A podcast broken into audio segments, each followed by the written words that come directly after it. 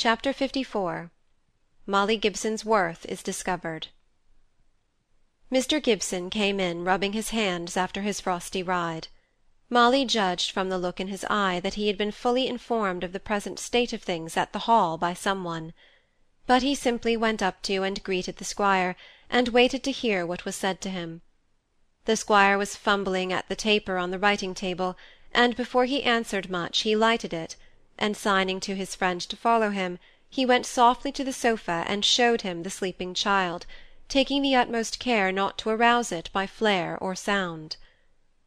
"Well, this is a fine young gentleman," said Mr. Gibson, returning to the fire rather sooner than the squire expected. "And you've got the mother here, I understand. Mrs. Osborne Hamley, as we must call her, poor thing.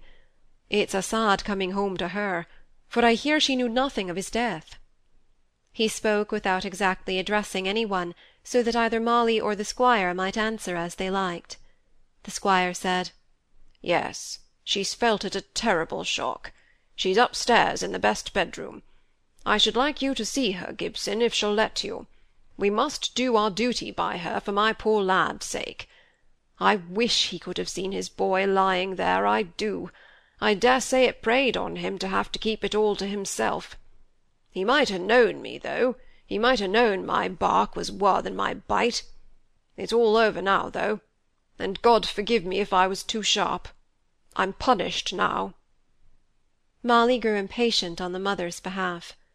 "Papa, I feel as if she was very ill, perhaps worse than we think. Will you go and see her at once?" Mr. Gibson followed her upstairs, and the squire came too, thinking that he would do his duty now, and even feeling some self-satisfaction at conquering his desire to stay with the child. They went into the room where she had been taken. She lay quite still in the same position as at first. Her eyes were open and tearless, fixed on the wall. Mr. Gibson spoke to her, but she did not answer. He lifted her hand to feel her pulse. She never noticed. "Bring me some wine at once, and order some beef tea," he said to Molly.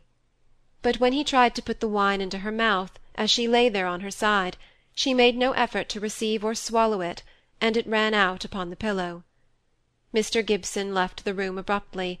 Molly chafed the little inanimate hand. The squire stood by in dumb dismay, touched in spite of himself by the death in life of one so young and who must have been so much beloved. Mr. Gibson came back two steps at a time. He was carrying the half awakened child in his arms. He did not scruple to rouse him into yet further wakefulness, did not grieve to hear him begin to wail and cry. His eyes were on the figure on the bed, which at that sound quivered all through, and when her child was laid at her back, and began caressingly to scramble yet closer, Aimée turned round and took him in her arms, and lulled him and soothed him with the soft wont of a mother's love. Before she lost this faint consciousness, which was habit or instinct rather than thought, Mr. Gibson spoke to her in French. The child's one word of maman had given him this clue. It was the language sure to be most intelligible to her dulled brain; and as it happened, only Mr. Gibson did not think of that, it was the language in which she had been commanded and had learnt to obey. Mr. Gibson's tongue was a little stiff at first, but by and by he spoke it with all his old readiness. He extorted from her short answers at first, then longer ones, and from time to time he plied her with little drops of wine, until some further nourishment could be at hand.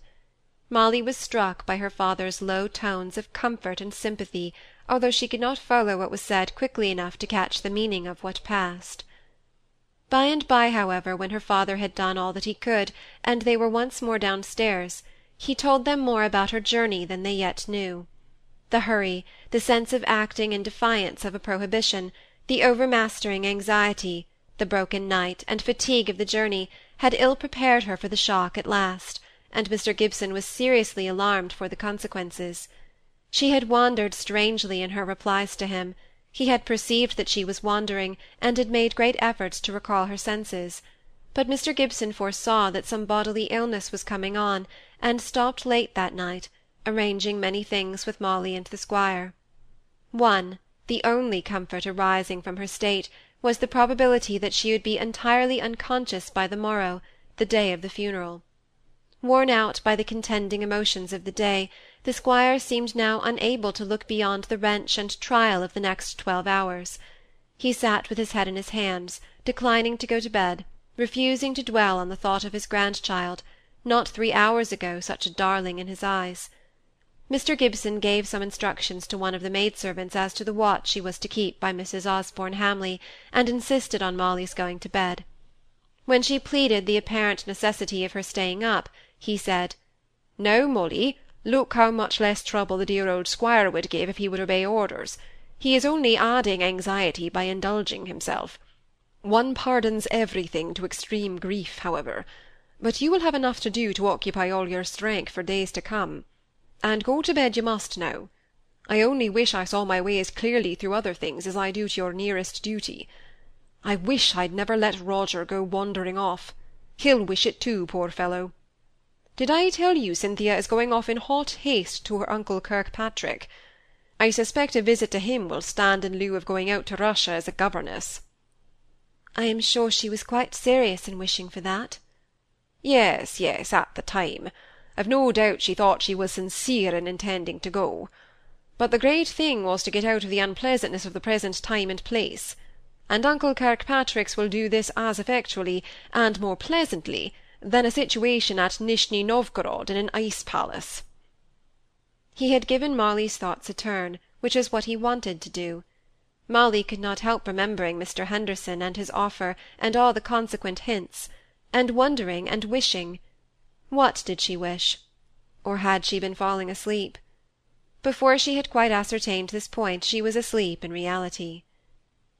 After this, long days passed over in a monotonous round of care, for no one seemed to think of Molly's leaving the Hall during the woeful illness that befell Mrs. Osborne Hamley.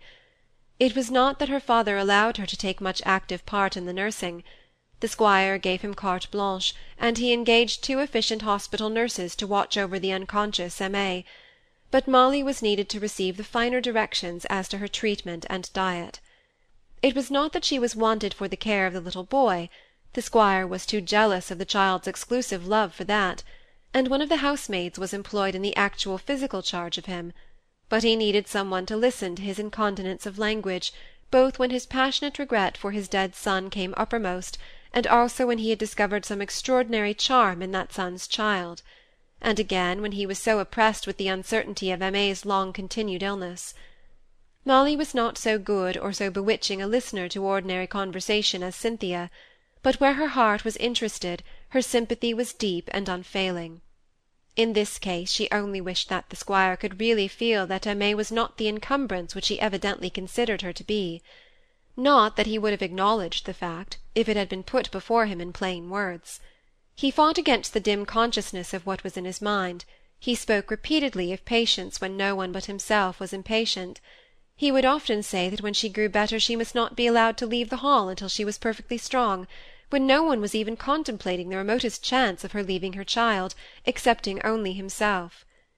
Molly once or twice asked her father if she might not speak to the squire, and represent the hardship of sending her away, the improbability that she would consent to quit her boy, and so on; but Mr. Gibson only replied, "Wait quietly. Time enough when nature and circumstance have had their chance, and have failed." It was well that Molly was such a favorite with the old servants, for she had frequently to restrain and to control. To be sure, she had her father's authority to back her, and they were aware that where her own comfort, ease, or pleasure was concerned she never interfered, but submitted to their will. If the squire had known the want of attendance to which she submitted with the most perfect meekness, as far as she herself was the only sufferer, he would have gone into a towering rage. But Molly hardly thought of it, so anxious was she to do all she could for others, and to remember the various charges which her father gave her in his daily visits. Perhaps he did not spare her enough; she was willing and uncomplaining. But one day, after Mrs. Osborne Hamley had taken the turn, as the nurses called it, when she was lying weak as a new-born baby, but with her faculties all restored, and her fever gone; when spring buds were blooming out, and spring birds sang merrily, Molly answered to her father's sudden questioning that she felt unaccountably weary, that her head ached heavily and that she was aware of a sluggishness of thought which it required a painful effort to overcome. Don't go on, said Mr. Gibson, with a quick pang of anxiety, almost of remorse. Lie down here, with your back to the light. I'll come back and see you before I go. And off he went in search of the squire.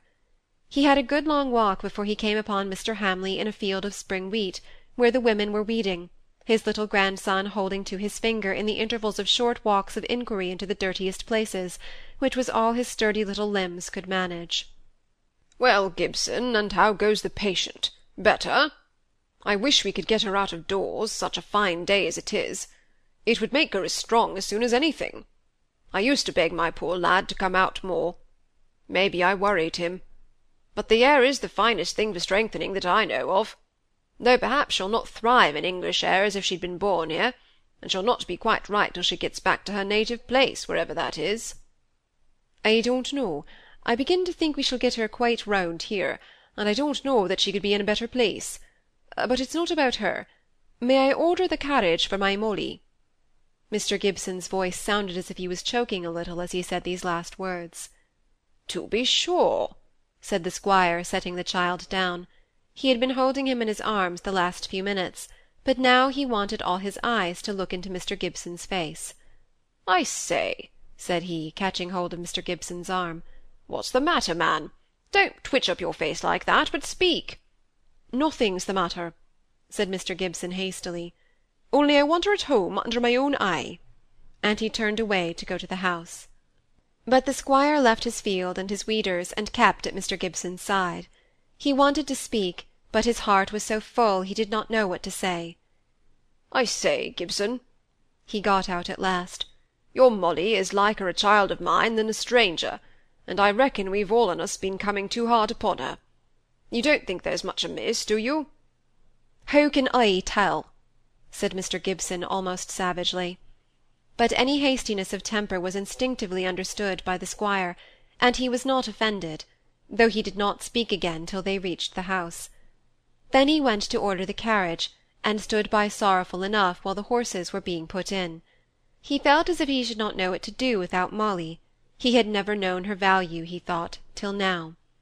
But he kept silence on this view of the case, which was a praiseworthy effort on the part of one who usually let the standers-by see and hear as much of his passing feelings as if he had had a window in his breast.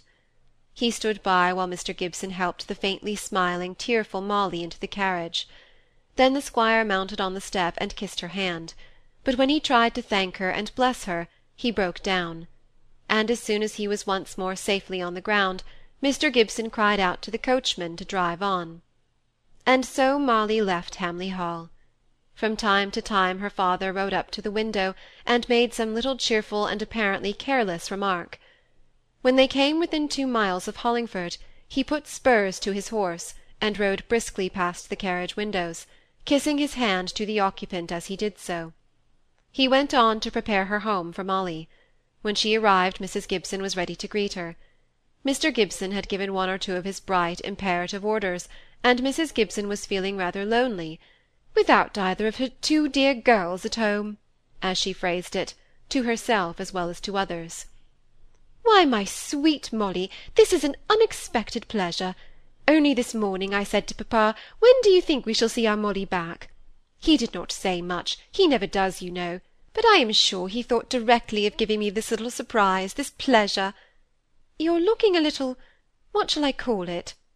I remember such a pretty line of poetry, Oh, call her fair, not pale, so we'll call you fair. You'd better not call her anything, but let her get to her own room and have a good rest as soon as possible. Haven't you got a trashy novel or two in the house? That's the literature to send her to sleep.